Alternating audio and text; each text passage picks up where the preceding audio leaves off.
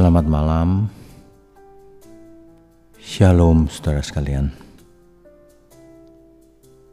Pernahkah kita merenungkan akan hal ini?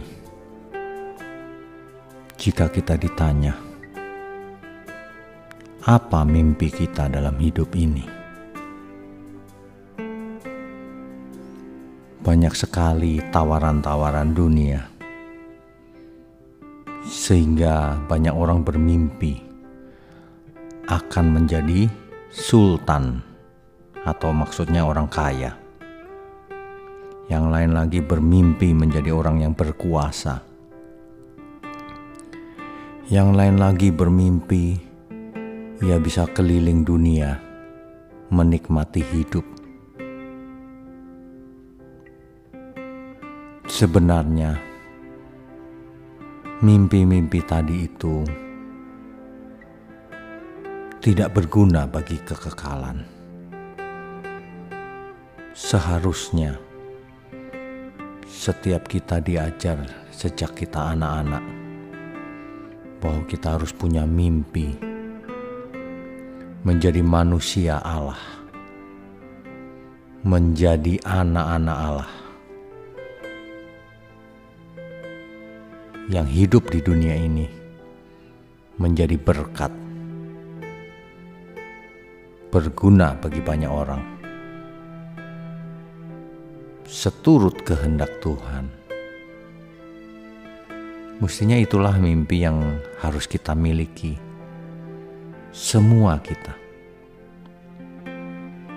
Sementara kita bisa mempunyai profesi yang berbagai macam yang jadi guru, jadilah guru yang mendidik anak-anak secara benar. Mestinya mimpi seorang guru gitu, jadi guru yang ideal di mata Tuhan. Yang jadi dokter, jadilah dokter yang ideal di mata Tuhan. Yang jadi profesi apa pun, jadilah seperti yang Tuhan inginkan. Mestinya itulah mimpi yang harus kita tanamkan sejak anak-anak. Bayangkan kalau orang bermimpi ingin punya ini, ingin punya itu, tetapi dia tidak mengenal Tuhan. Apa yang terjadi?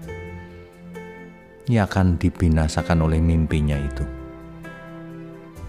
Justru kesuksesan dunia ini akan membinasakan banyak orang jika orang itu tidak mengenal Tuhan. Mengapa? Karena kesuksesannya akan dipakai untuk memuaskan diri sendiri. Beda dengan orang yang mengenal Tuhan, sehingga kesuksesan apa pun akan dipakai untuk mengasihi Tuhan. Artinya juga mengasihi manusia. Itulah sebenarnya mimpi yang harus kita miliki.